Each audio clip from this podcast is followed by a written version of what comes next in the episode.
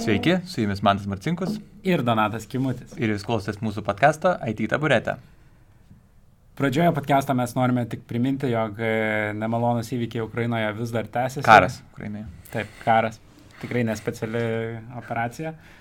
Ir norim jūs visus paraginti e, prisidėti tuo, ką galit, tiek, kiek galit ir kaip galit. Ar tai būtų actual fizinė pagalba, kur nuvažiuojat, kažką nuvežat ar, ar kažką, ar, ar tai būtų piniginė. Mhm. Ar nori kažką man tai patikslinti, kur Tai galima? taip, e, Blue and Yellow organizacija, Stiprus kartu, e, Rudonasis kryžius. Tikrai galima daug susirasti iniciatyvų, kurios padeda tai vienai par kitaip. Na, o dabar einam prie pagrindinės šios dienos temas, tai kovo mėnesio naujienos. Taip. Atsirinkome keletą naujienų ir bandysim apž apžvelgti jas ir trumpai galbūt ir padiskutuoti ties kai kuriomis. Tai pirmoji naujiena iš mūsų draugų iš Microsoft ir iš dar geresnių mūsų draugų iš GitHub.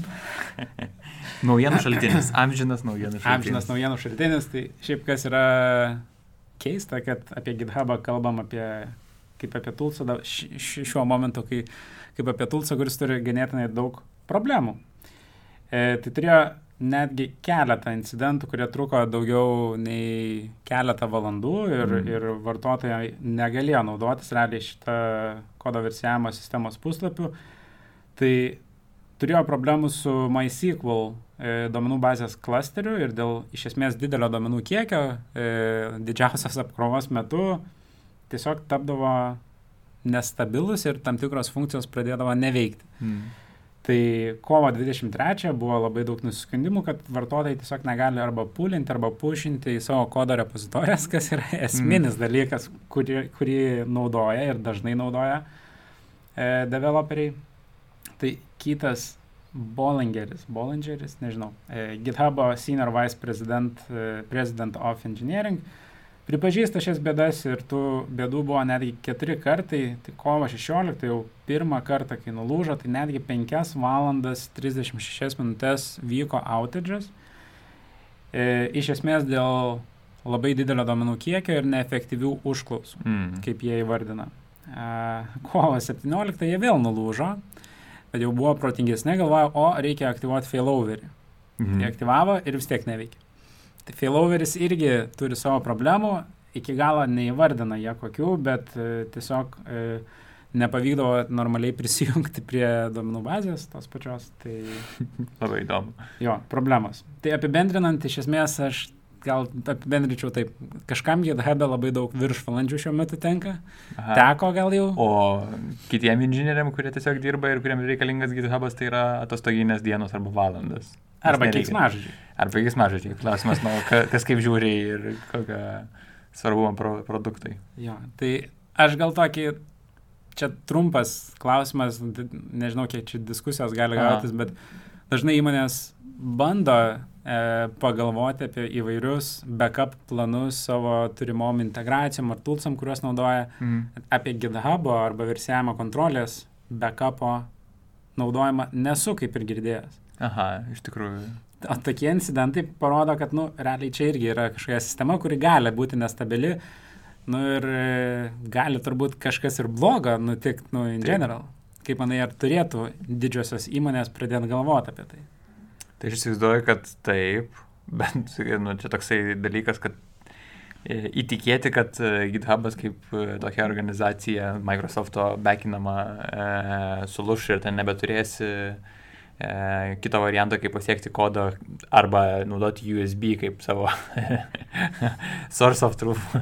tai gal gali būti pavojinga, bet tikėtina, kad e, jeigu kartosis, tai didesnės kompanijos, kurios iš tikrųjų nu, saugo visą savo kodą ir nepasitikė GitHub'u, gali perkelinėti į kažkokius lokalius, lokalias mašinas tikriausiai, kažkaip duplikuoti kodą, kas kažkiek laiko, nes nėra sudėtinga tikriausiai šitą suinžinierinti. Mhm. Turėti paskutinę savo kodo back- backupo versiją. Tai reiškia, kad nebūtinai visą versijų kontrolę, bet gal vieną repozitoriją išsisaugo ir tiek, čia nėra labai daug. Jo, nu turbūt šiaip žiūrint, tai dažniausiai yra ganėtinai nesena kodo versija pas kažką kompiuteryje Taip. lokaliai. Taip. E, Su visa istorija, su viskuo. Tai dėl to, nu, ką aš blogiausio įsivaizduoju, tai nebent privačių repozitorių nu, pavogimas. Mm. Bet čia hako metu, o Taip. ne nulūžimo. Kad taip visiškai jie irgi išsidropautintų, nu, aš irgi nelabai tikiu mm. ir, ir sunku būtų įsivaizduoti. O, kaip sakai, šiaip būtų įdomus eksperimentas. Nežinau. Šiais laikais padaryti dabar komandą, kuri negalėtų naudoti versijavimo kontrolės ir turėtų kažkaip apsikeisti Aha. duomenim. Man būtų įdomu pamatyti, kiek stipriai apsunkėtų darbas ir kaip greit išrastų, nu, susigaudytų kažkai sistemėlę tarpusavį, kad taip smūflių veiktų. Tai man atrodo, kad konferencijai mes girdėjom, kaip Dūma developino e, žaidimą, mm -hmm. kad e, tuo metu, kai versijavimo normaliai nebuvo, tai ką darydavo, tai turėdavo kompaktą kurį nešiodavosi, flopiką, kurį nešiodavosi ir tai būdavo jų versijavimo, centrinis versijavimo. Šiais laikais flopiko nepasinešiosi. taip, taip. USB, jo, tai ja. vad, neįsivaizduoju. Anyway, eikim prie kitos naujienos. Aha. Ir kita naujiena yra tokia, sakyčiau, visai smagi. Įno, įdomybė. Į, įdomybė. Uh, tai tuščias NPM paketas pavadinimu tiesiog brūkšnelis uh, yra parsisiustas daugiau nei 700 tūkstančių kartų. Mm. Patalpintas NPM jis yra 20 metų pradžioje, turi vieną versiją, tris failus, uh, pagrindinius failus index.js, package.json ir readme. Kodo ten praktiškai nėra, yra kažkoks skeleton kodas įdėtas, kuris paima tiesiog užsilaudina uh, dependencies iš aprašyto JSON. Nu ir tiek iš esmės. Uh, kas yra įdomu, kad šitą paketą kaip priklausomybę turi dar 56 kiti paketai. Mhm. Tai reiškia, kad nu, kažkas darė paketą, jau parsisiuntė šitą. Uh, bet reikia paminėti, kad nei vienas iš tų paketų, kurie turi, nėra populiarūs. Ten turi mm. po keliolika mėnesinių parsisiuntimų tiesiog. Tai natūraliai kyla klausimas, tai kaip tas paketas, kuris mm. nieko nedaro, neturi realiai pavadinimo, turi 700 tūkstančių parsisiuntimų. Tai iš tikrųjų tikriausiai dėl sintaksės klaidų, tai jeigu tu bandai siūsti NPM paketą uh, ir nori nurodyti kažkokius parametrus ir netyčia padarai klaidą, tai mhm. rašai brūkšnelis, norėtum parašyti kažką, ir, o padedi tarpą. Tai jisai suinterpretuoja, kad mhm. tu bandai ieškoti paketo tokiu pavadinimu. Brūkšnelio pavadinimu. Brūkšnelio pavadinimu. Tai ir paketą iš tikrųjų sukūrė Dmitrijus Paržitskis, jeigu mano mhm. vertimas geras. Pagal mano greitą Google paiešką ukrainietis. Uh, ir jis aiškina, kad visų pirma bandė tokį kaip eksperimentą, ar leis jam papublišint package tokį pavadinimą. Nu, tai realiai ir sudėjo tiesiog kažkokius greučius, papublišino, leido. E, aišku, jis pat, pačioj pradžioj sako, kad aš nenoriu niekam su šitų paketų pa, pakenkti ir taip toliau. Čia tiesiog buvo toks kaip eksperimentas. E, ir kažkokio to package developmento jisai nebenumato, nes tipo kam. E, vienintelė dalyka, kurį nori pridėti, tai kad iškristų warningai, jeigu jį bandai įsirašyti, tam, kad nu, žmonės atkreiptų dėmesį visgi. Mm. Ir, ir jo, ir jisai realiai taip pat pasamprotavo, kad toks NPM elgesys atrodo šiek tiek uh, keistas ir netgi pavojingas, nes realiai tu gali sukurti paketą uh, i pavadinimo i, i, i arba o, ar nu, bet kokią vieną raidę arba vieną simbolį ir tada per sintaksės klaidą kažkas gali jį parsisiųsti, net Taip. nesupras, o ten mm. bus kažkokia neteisingi dalykai padaryti. Mm. Na nu, ir tu įsileisi pas save realiai kodą, kažką, nu jau čia labai netodairiškai turėtum turbūt žiūrėti, bet įmanoma. Taip, nu, tą patį šitą brūkšnelį galėtum jo. pakeisti kodą tikriausiai ir pradėti laudinti dalykus, kurie tau yra aktualūs. Jo. Nu, tada versiją reiktų pabandinti. Ja, nu, bet žinai, daug ant piemo dalykų automatiškai updateinas nu, ir taip. daug tikriausiai programų, kurias rašom, gali būti tiesiog su updateinta visiškai nežiūrint, kas ten papačiai yra. Tai va, tai įdomus dalykėlis. Aha. Tai kita naujiena galbūt tokia, mes jau tęsim labai daug kalbame apie tai kiekvieną kartą, kiekvieną podcastą, e, bet realybė yra tokia, kad, nu, kad COVID banga mažėja, mes jau šiek tiek įpratom gyventi su juo. Tai radom jau, kaip, kaip čia, nu, naujiena yra ta, kad Google e, ragina darbuotojus grįžti kai kuriuose, į kai kurios ofisus e, balandžio pirmą dieną. E, ir ką siūlo daryti, tai e, grįžti į hybridinį darbą, tai tris dienas į ofisą eiti, dvi dienas kaip nori, bet e, tuo pačiu gražina ir visus privalumus, tokius kaip nemokamas maistas, masažai, ten kelionės Mhm. į ofisą, apmokėjimas kelionės į ofisą. E, yra, aišku, ten taisyklės, e, vienos iš, nu, Google pačios kompanijos taisyklės tokios, kad jeigu pasiskiepės, tai gali ir kaukės nenešioti, jeigu ne, tai kaukę turėsi nešioti, tai tiesiog reikalavimas. Mhm. E, panašu, kad beveik visose ofisuose, daugumoje ofisų Google taip iš karto vienu metu ir įvyks, tai reiškia, kad kažkokia bendra komunikacija išėjo. Na nu, ir aš aišku, bandžiau paieškoti, pasižiūrėti, kiek, kit, kaip kitos technologijų kompanijos uh, elgesi. Tai suradau nuorodą, kurią galima būtų pasižiūrėti ir pasižiūrėti, kokios kompanijos kaip elgesi. Bet, pavyzdžiui, nu, ten išskirstai tris yra. Yra hybridinis, kur daugiausiai kompanijų, nes panašu, kad patogu žmonėm mm. ir kompanijom, kad uh, dal, dalinai tik dirba žmonės ofise.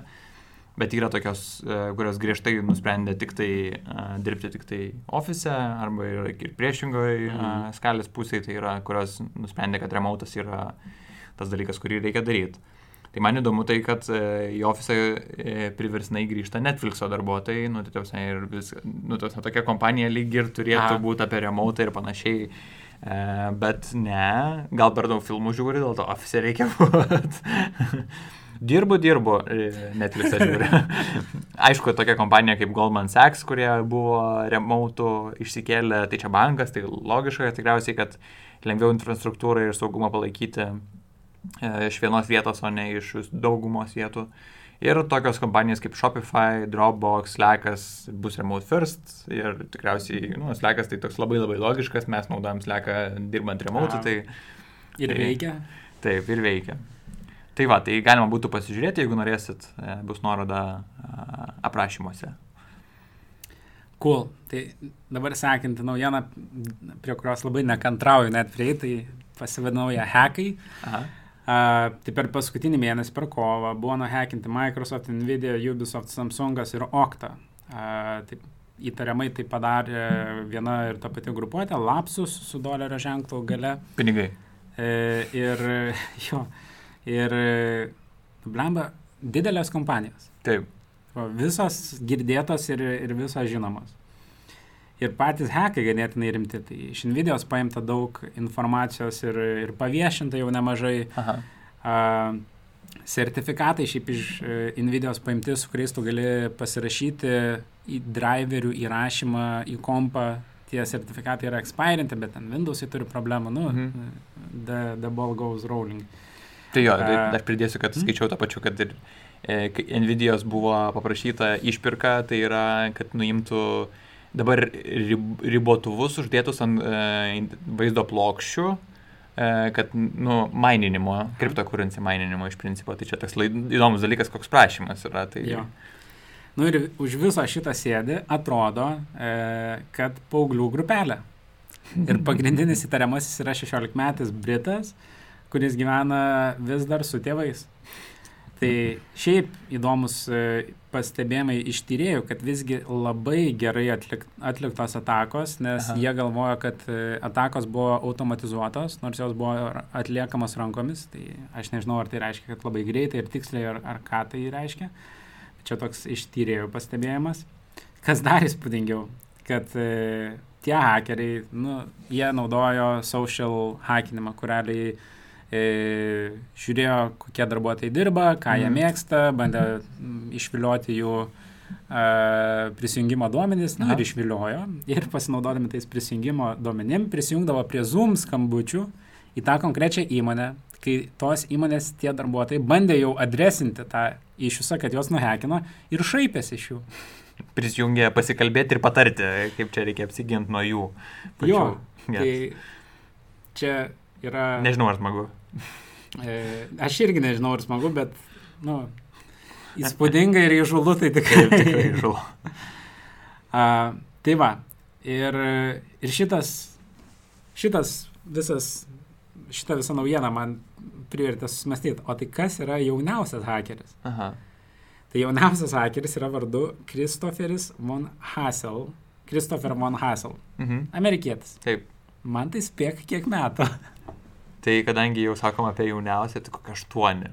Penki metai. Penki metai. Penki metai. Spėk ką hakino. A, nežinau, žaidimo kokį nors. Taip. Taip. Nu, Iš. Nu gerai, nu tai tęs. Žaidimų konsolė. Xbox. Xbox. Xbox. E, tai iš esmės e, ant Xbox galima uždėti parenting e, controlsą, Taip. kad negalėtum žaisti Aha, tam tikrų žaidimų. Taip, taip, taip. Na, ir tas penkių metų vaikas norėjo žaisti. Taip. Tai bandė vis, e, nu, tipo, bandė įvesti slaptažodį. Mhm. Nu, ir neteisingai. Ir vis bandė, bandė, bandė. Ir matyt, kažkuriuo metu ten yra du langai kažkaip. E, suvedė slaptažodį, ar tiesiog antrą kartą, kai vedi, jisai suvedė tenai šešis tarpus. Taip. Ir suveikė. Ai, tai čia buvo kažkoks. Tiesiog rado backdoorsą, kad realiai po neteisingo bandymo. Bet nėra taip, kad tu iš karto suvedu šešis tarpus galėjai ten patekti, bet buvo, kad turėjai turėti neteisingą bandymą ir tada šeši tarpai ir tipo, geriau. tada įleidžia. Mm. Tai pamatė tiesiog tėvai, kad žaidžia Žaidimus. tokius žaidimus ir, ir sako, tai kaip čia patekai, jisai parodė. Tada parašė laišką Microsoftui, Microsoftas užfiksino, atrašė jam, davė keturis nemokamus žaidimus. Uh, Kurių negalėjai žaisti, nes perėmė kontroliuoti istoriją. metų nemokamą Microsoft Live Gold subscriptioną ir dar 50 dolerių. Wow. 10 dolerių. Taip, dolerių. Kiek saldainių išeina. e, Microsofto puslapyje Haselis yra įrašytas kaip apsau security researcher. tai iš esmės jis yra jauniausias security researcher ever. Geras. Cool. Jo. E, taip. Tai tada tęsim tada su naujienom.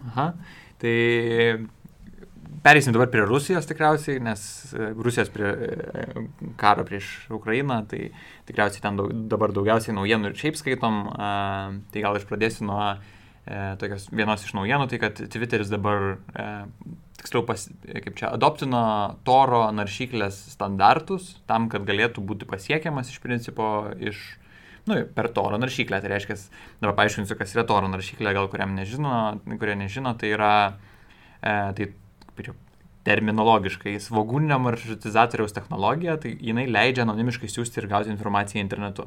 Dabar kas tai yra?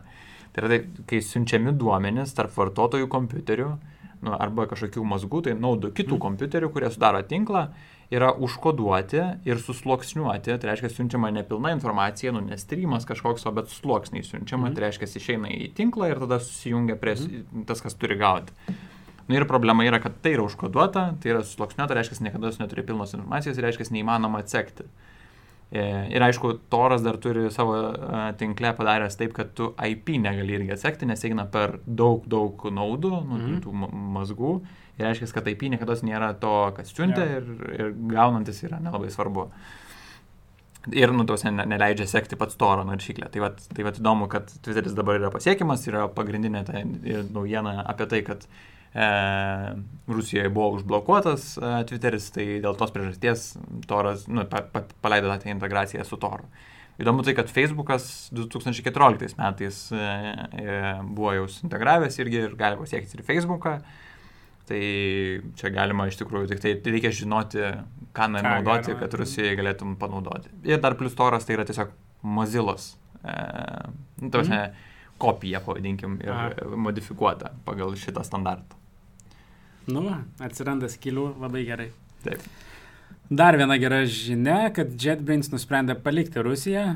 Tai JetBrains yra turbūt populiariausia e, idėja kūrim, Jo. kuriejai, kur turi beveik kiekvienai programavimo kalbai labai patogu, labai populiarų. Tai iš esmės JetBrains jau uždaro savo ofisus Rusijoje, nebepardinės ten savo produkcijos. Nors jie turėjo ganėtinai didelius ofisus. Sankt Peterburgė dirbo apie porą šimtų darbuotojų, Maskvoje apie šimtą. Ir šis sprendimas, toksai dar sakyčiau, ganėtinai ir uždelstas buvo, bet jisai buvo sunkus, dėl to, kad JetBrains įkūrėjai yra trys rusų programuotojai. Mm. E, užsirašiau aš čia jų vardus, bet nežinau, ar jie kažką reiškia, tai gal ir neminėsiu. E, nors pačią įmonę įsteigė Prahoje. Tai Mhm. nėra kaip ir, nesiskaito kaip ir rusų įmonė, nors iš tikrųjų tai įkūrėjai yra rusai. Taip. Tai labai sveikintinas JetBrainsų veiksmas ir apskritai žvelgiant į pačią situaciją Rusijoje, tai tu kalbėjai, kad jau ieško skilių, kaip išeiti internetą, bet ten apskritai viskas dabar yra draudžiama, neleidžiama, nei tu Taip. gali kažkokių e, programinės įrangos nusipirkti iš didžiųjų pardavėjų, Aha. e, telefonų negali nusipirkti, įrangos negali, licenzijos, e, licenzijos yra spen- suspenduojamos. Tai man tai, kaip tu manai, e, dabar tų developerių, kurie dar yra likę Rusijoje, a, kokios yra jų perspektyvos ir kaip manai, kokie jų turėtų būti veiksmai? Tai bet šiandien išėjo naujiena, kad e, Rusijoje, šiandien tai yra 29 kovo, tai čia, kai mes išleisim podcastą, tai bus dar kokias penkias dienas į priekį, tai, Jo.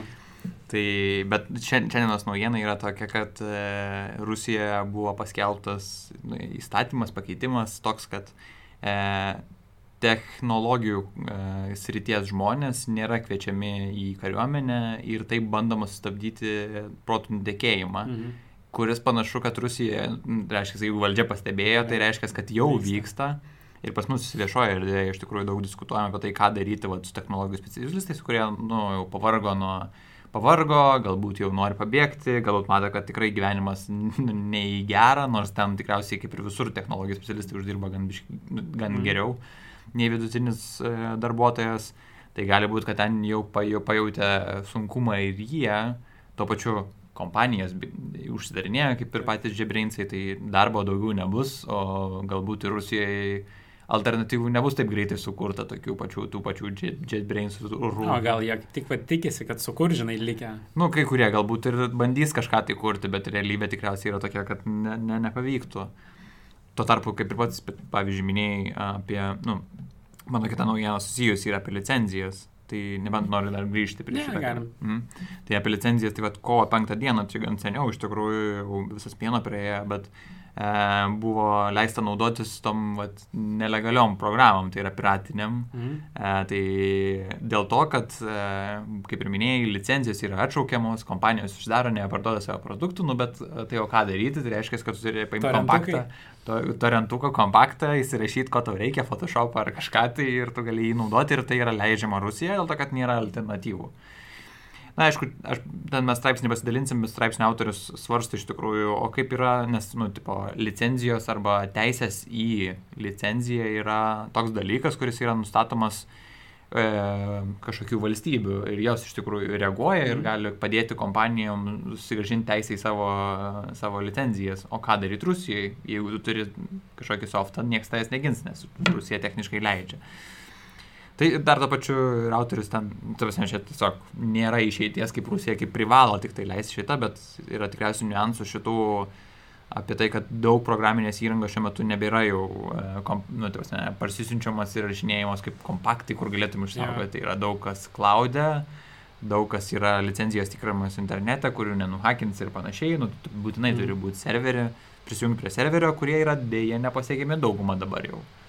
Tai net ir ten teikia, nebėra teikiamas paslaugos to pačio AWS, Google Cloud ir panašiai, tai techniškai kai kurie dalykai jau viskas nebus naudojami.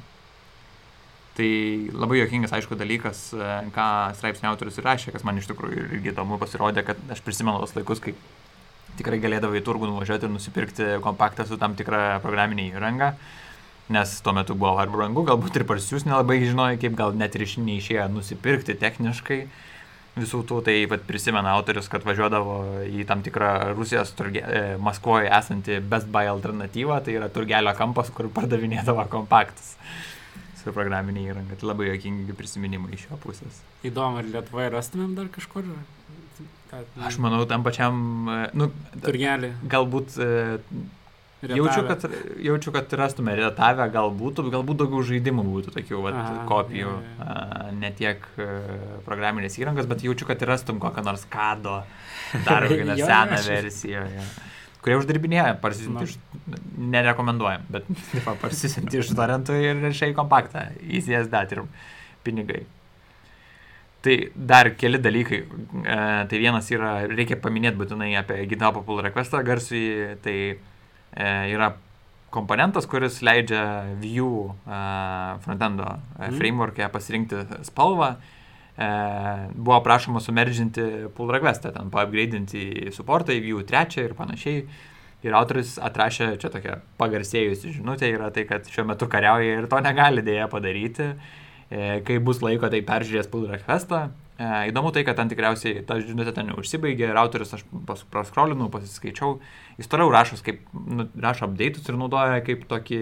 Aha, kaip informacijos platinimą. Platinimą jo, kaip sekasi jam, kaip sekasi Ukrainai, kokios pagalbos reikia ir panašiai.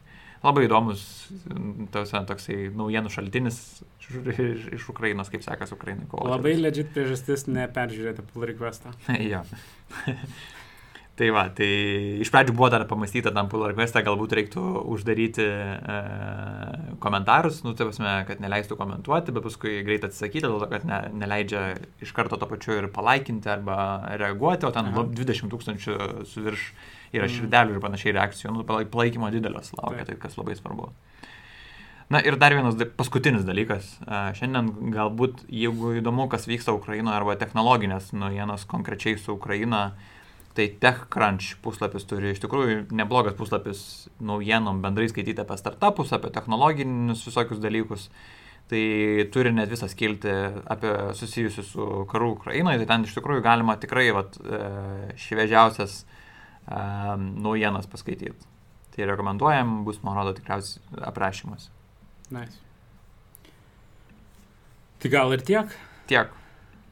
Tai ačiū, kad klausėt. Su jumis buvo Mantas Marcinkus. Ir Donatas Kimutis. Susitiksim kitą kartą. Iki. Iki.